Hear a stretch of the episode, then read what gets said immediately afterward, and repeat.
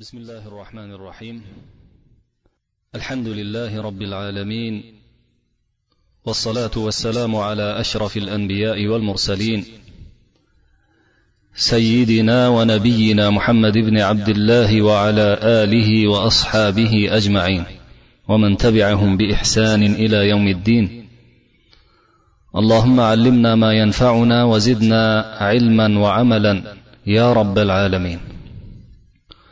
Muhtaram birodarlar o'tgan suhbatimizda muallif rahimaullohning ibnul qayyim rahimaullohdan naqllariga kelib to'xtagan edik. O'sha naqllarining oxirida ibnul qayyim rahmatullohi alayhining hindlar toifasi to'g'risida gapirib ularning ichida ba'zilari turli narsalarga ibodat qilgan insoniyatlar davomida insoniyatlar davomida quyoshlarga ibodat qilganlar ham o'tganligi haqida so'zlab o'tgan edilar.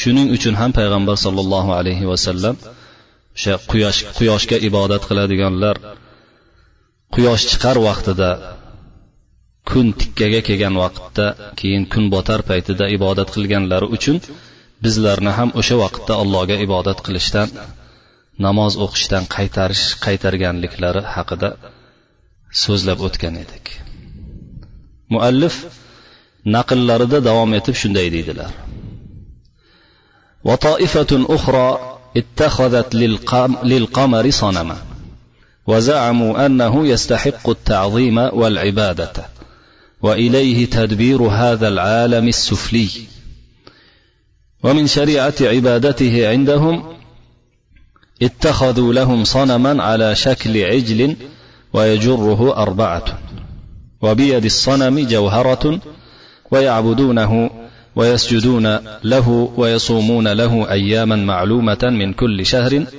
ثم يأتون إليه بالطعام والشراب والفرح والسرور فإذا فرغوا من الأكل أخذوا في الرقص والغناء وأصوات المعازف بين يديه yana bir toifa esa oyni o'zlariga sanam qilib but qilib oldilar ularning davolaricha oy juda ulug'lashga ibodatga loyiq emish Ushbu pastki olamning tadbiri o'sha oyga emish. Oy uni tadbir qilar emish tarbiyalar emish pastki olamni boshqarib turar emish. Oyga ibodat qiluvchilarning shariatlaridan shakllaridan biri ular o'zlariga bir buzoq yoki buqa shaklida but qilib olgan edilar. Buqa shaklidagi but keyin u butni to'rtta kishi tortib ketayotganini shaklini. O'sha butni qo'lida esa bir gavharni qo'yib qo'ygan edilar. O'sha butga ular ibodat qilar edilar sajda qilar edilar. Har oyda ma'lum bir kunlarni ro'za qilib tutar edilar. Keyin esa butni oldiga o'zlarini taomlarini ichimliklarini olib kelib xursandchilik qilar edilar. Ovqatlarini yeb bo'lishganlari bo'lganlaridan keyin raqsga tushar edilar ashulla aytar edilar. Musiqalarni ovozlari bu putni oldida yangrar edi. ومنهم من يعبد أصناما اتخذوها على صورة الكواكب وروحان اتخذوها على صورة الكواكب وروحانيها بزعمهم. وبنوا لها هياكل ومتعبدات لكل كوكب منها هيكل يخصه وصنم يخصه وعبادة تخصه. فإنهم لا تستمر لهم طريقة إلا بشخص خاص على شكل خاص ينظرون إليه ويعكفون عليه. ومن ها هنا اتخذ أصحاب الروحانيات والكواكب أصناما زعموا أنها على صورها. فوضع الصنم إنما كان في الأصل على شكل معبود غائب فجعلوا الصنم على شكله وهيئته وصورته ليكون نائبا منابه وقائما مقامه. وإلا فمن المعلوم أن العاقل لا ينحت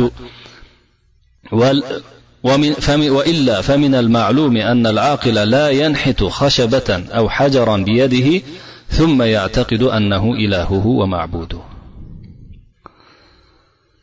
Ular orasida yana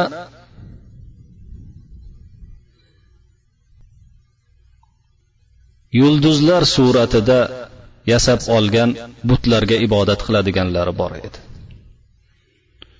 Yulduzlar suratida yasab olishib o'zlarini davolaricha bu yulduzlarning ramzi ruh ruhi deb davo qilar edilar. Keyin ushbu yulduzlarga atab turli haykallar ibodatgohlar qurgan edilar.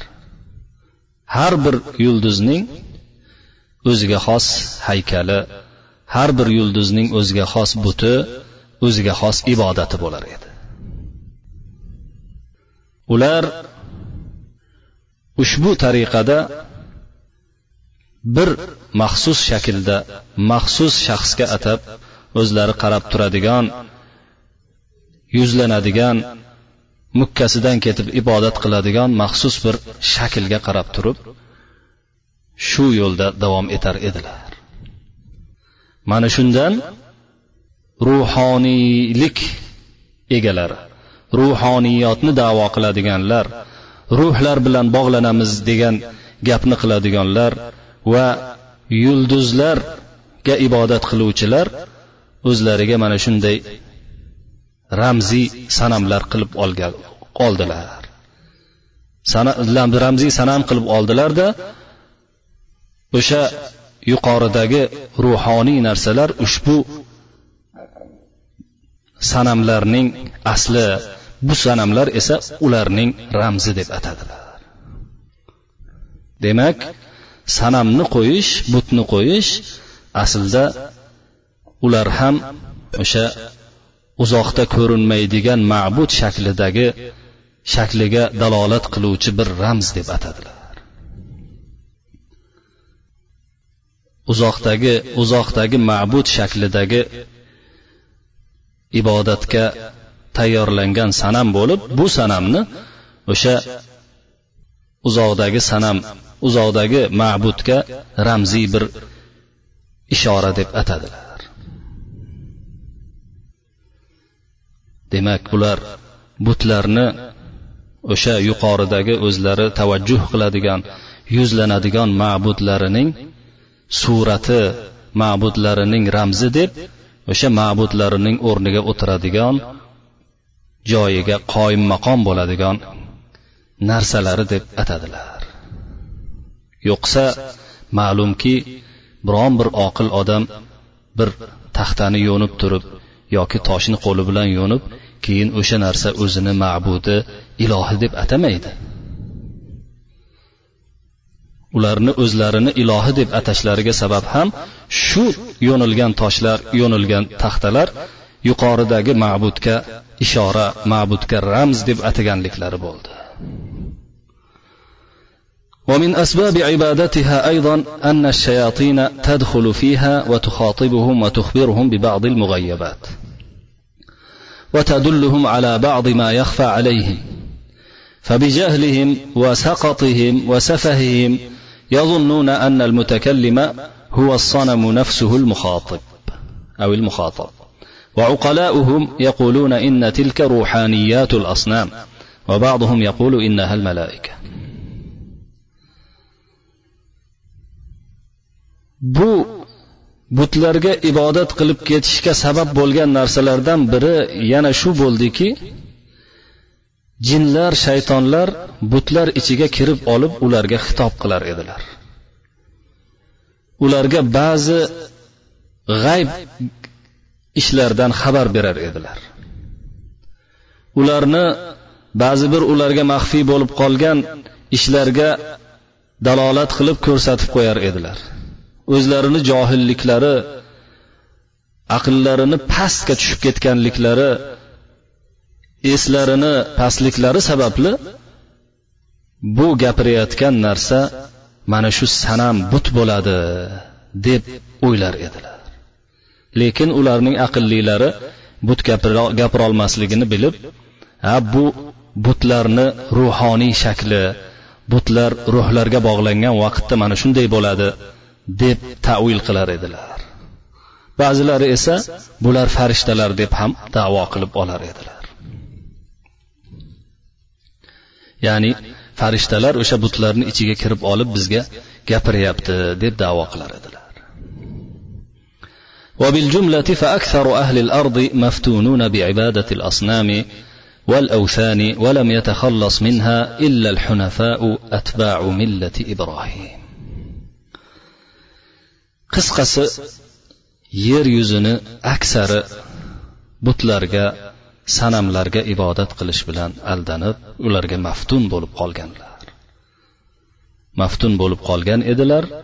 Bu balodan faqatgina ibrohim alayhissalom millatini odamlari ibrohim alayhissalom millatiga ergashuvchi hunafolar hanif kishilargina bulardan bu bunday balodan qutulib qolgan edilar. وعبادتها في الأرض من قبل نوح كما تقدم. وهياكلها وسدنتها ومحابها والكتب المصنفة في شرائع عبادتها طبقت الأرض. قال إمام الحنفاء واجنبني أعوذ بالله من الشيطان الرجيم. واجنبني وبني أن نعبد الأصنام. رب إنهن أضللن كثيرا من الناس. Yer yuzida butlarga ibodat qilish. Ma'lumki ilgari o'tganidek nuh alayhissalomdan ilgari boshlangan edi. Butlarni haykallari butlarni sadanaxo'rlari butlar sababli butlarga suyib qo'yilgan joylar butlar haqida butlarni ibodati haqida ularni turlari haqida yozilgan tasnifotlar kitoblar yer yuzini butunlay qoplab ketgan edi. Hanifiylarni boshlig'i bo'lgan imomi bo'lgan zot ibrohim alayhissalom qur'onda keladi mana shunday deydilar. Yo rab meni va mening farzandlarimni butlarga ibodat qilib qo'yishimizdan o'zing uzoq qilgin. Parvardigoro bular ya'ni butlar odamlardan ko'pchiligini zalolatga boshlab adashtirib yubordi deydilar. ومن أسباب عبادة الأصنام الغلو في المخلوق واعطاؤه فوق منزلته حتى جعل فيه حظ من الالهيه وشبهوه بالله سبحانه وهذا هو التشبيه الواقع في الامم الذي ابطله الله وبعث رسله وانزل كتبه بابطاله وانكاره والرد على اهله butlar ibodatiga butlarga ibodat qilishga sabab bo'luvchi narsalardan omillardan yana bittasi maxluq yaralgan zotlar haqida g'uluvga ketishdir yaratilgan yaralmish kishilar haqida juda haddan oshib ketishdir va unga o'zini manzilatidan martabasidan baland martabani berib yuborishdir. Hatto ba'zilar bunday kishilarga ilohiyga xos ya'ni alloh subhanahu va taologa xos bo'lgan ba'zi nasibalarni ba'zi sifatlarni berib yuboradi. Va alloh subhanahu va taologa o'xshatib qo'yishadi. Alloh subhanahu va taolo botil qilgan o'zini qur'onida va payg'ambarlarini ham o'sha sababgagina jo'natgan tashbeh mana shu tashbehdir ya'ni ummatlar o'rtasida payg'ambar sollallohu alayhi vasallam kelishlaridan ilgari bo'lgan dunyodagi ummatlar kishilar xalqlar o'rtasida voqe bo'lgan dunyoda bo'lib turgan shirkning eng o'xshashi eng shu asosiy sababi ham mana shunda edi deydilar muallif. Shu shuning uchun ham alloh subhanahu va taolo o'zini qur'onida buni botil ekanligini aytib payg'ambarlarini shuning uchun jo'natdi kitoblarini mana shuning uchun ham mana shuni botil ekanligini aytish uchun bunga inkor etish uchun bunday kishilarni bunday kishilarga rad berish uchun raddiyalar berish uchun alloh subhanava taolo o'zini kitoblarini nozil qildi oxirgi kitobini ham mana shu sabablarga ko'ra nozil qildi قال الله تعالى فلا تجعلوا لله اندادا وانتم تعلمون وقال تعالى ومن الناس من يتخذ من دون الله اندادا وقال عن اهل النار تالله إن كنا لفي ضلال مبين إذ نسويكم برب العالمين. وقال فلا تضربوا لله الأمثال. فنهاهم أن يضربوا له مثلا من خلقه لم ينههم أن يضربوه هو مثلا لخلقه فإن هذا لم يقله أحد ولم يكونوا يفعلونه. فإن الله سبحانه أجل وأعظم وأكبر في فطر الناس كلهم. ولكن المشبهون يغلون في من يعظمونه فيشبهونه بالخالق والله اعلم alloh subhanahu va taolo bir necha oyatlarda bu to'g'rida aytib o'tdi baqara surasida alloh subhanava taolo shunday deydi o'zlaringiz bilgan holda alloh subhanahu va taologa tenglarni tayyorlab tenglarni qilib qo'ymanglar o'xshashlarni yana bir oyatda shuaroda keladi. Tallohi in kunna lafi dalalin mubin. Do'zax ahli shunday deydiki o'zlarini ma'budotlariga qarab turib ibodat qilinayotgan kishilariga qarab turib allohga qasamki biz nihoyatda ochiq adashishda ekanmiz. Sizlarni alloh subhanahu va taolo robbul olamin bo'lmish butun olamlarni parvardigori bo'lmish alloh subhanahu va taologa tenglashtirib qo'yganimizda. Sizlarni tenglashtirib shunday zalolatga ketgan ekanmiz o'shanday zotga deydi. Yana bir oyatda alloh subhanahu va taolo alloh subhanahu va taologa masallarni zarbul masallarni qilmanglar deydi. Ya'ni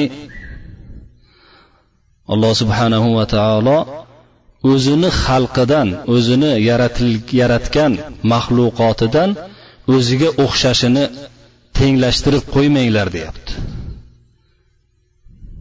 O'zini maxluqotiga tenglashtirishni gapirmayapti. Chunki bu narsani hech kim qilmagan xayoliga ham kelmagan edi. Ya'ni alloh subhanahu va taoloni maxluqotiga tenglashtirib qo'ymanglar. Degan ya'ni biron kishi alloh subhanahu va taolo bilan hamma tomonlama teng degan hech kim aytib o'tmagan edi. Chunki alloh subhanava taolo hamma maxluqotni barcha mushriklarning ham mo'minlarning ham qalbida nihoyatda ulug' hamma narsadan ulug' hamma narsadan katta hamma narsadan buyuk zot ekanligi ma'lum kishilarni fitratiga singdirilgan edi. Shuning uchun ham har tomonlama tenglashtirmas edilar.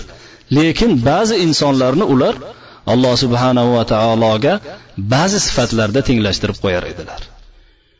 O'sha narsadan alloh subhanahu va taolo qaytaryapti. Lekin tashbehchilar o'sha tenglashtirib qo'yuvchilar o'zlari ulug'layotgan kishilar to'g'risida g'uluvga ketib haddan oshib ketib ba'zi bir sifatlarda xoliq subhanahu va taologa ularni o'xshatib qo'ydilar. Tenglashtirmasalar ham o'xshatib qo'ydilar. Shuning uchun ham alloh subhanava taolo ularga qattiq raddiya bilan oyatlarni nozil qildi. Keyin muallif rahmatullohi alayhi arablar davrida bo'lib o'tgan payg'ambar sallallohu alayhi vasallam kelishlaridan oldin bo'lib o'tgan ba'zi bir johiliy e'tiqodlar haqida ko'proq arablar tuyalarni ichida katta bo'lib tuyalar orasida yurganligi uchun o'sha tuyalarga bog'liq bo'lgan ba'zi e'tiqodlar to'g'risida so'z yuritadilar. Buni temasini ham mavzusini ham zikru amril bahirati va saibati val vasilati val hami deb ataydilar. Ya'ni bahira soiba vasila va homiy deb atalgan tuyalarni ishi to'g'risidagi bob deb qo'yganlar. Bu bobni boshlab muallif shunday deydi. في الصحيحين عن ابن المسيب قال البحيرة التي يمنع درها للطواغيت فلا يحلبها أحد من الناس والسائبة التي يسيبونها لآلهتهم لا يحمل عليها والوصيلة الناقة البكر تبكر يعني تبكر في أول نتاج الإبل ثم تثني بعد بأنثى. وكانوا يسيبونها لطواغيتهم إن وصلت إحداهما بالأخرى وليس بينهما ذكر. والحامي فحل الإبل يضرب الضراب المعدود فإذا قضى ضرابه ودعوه للطواغيت وأعفوه من الحمل فلا يحمل عليه شيء. أو وأعفوه من الحمل فلا يحمل عليه شيء وسموه الحامي انتهى sahihaynda ibn musayyib ya'ni said ibn musayyib sayyidu tobiinlardan bo'lgan kishi bo'lgan zotdan shunday rivoyat keladi u kishi aytadilarki bahira degani johiliyat vaqtida tog'utlarga ya'ni butlarga atab suti hech kim sog'maydigan qilib suti man qilib qo'yilgan tuyaga aytiladi. Biron kishi buni sutini sog'ishga haqqi yo'q. Soiba degani esa o'zlarini butlariga butlari uchun shunday qo'yib qo'ygan tuyaga aytiladi. Biron kishiga biron kishi buni ustiga o'tira o'tirib ham olmaydi o'tirishga ham haqqi yo'q. Biron narsa ortishga ham haqqi yo'q. Vasila degani bir hali tuya urchimagan urg'ochi tuya bo'lib tuyalarni birinchi tug'ilishida tuyalarni birinchi tug'ilishida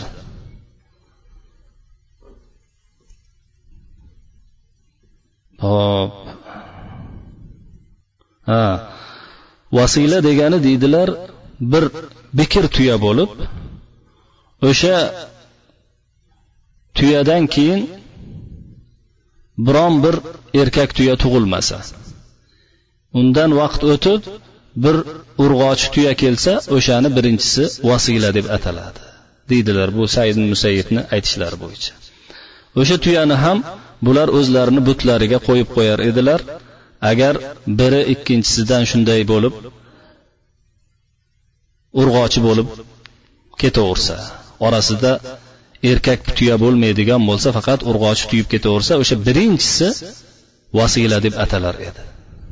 Homiy degani esa tuyani erkagi bo'lib bir muayyan bir vaqt tuyalarga urchib yurganidan keyin uni qo'yib qo'yardilar o'zlarini butlariga atab bunga ham biron narsani otmas ortmas edilar ustiga biron narsa ortilmasdan shunday bemalol yuraverar edi shuning uchun buni homiy himoyachi deb qo'yib qo'yar edilar vaqol ibn ishoq endi ibn ishoqni tafsirlari keladi bu so'zlarga وقال ابن إسحاق البحيرة بنت السائبة والسائبة هي الناقة إذا هي الناقة إذا تابعت بين عشر إناث ليس بينهن ذكر. سيبت فلم يركب ظهرها ولم يجز وبرها ولم يشرب لبنها ولم يشرب لبنها إلا ضيف.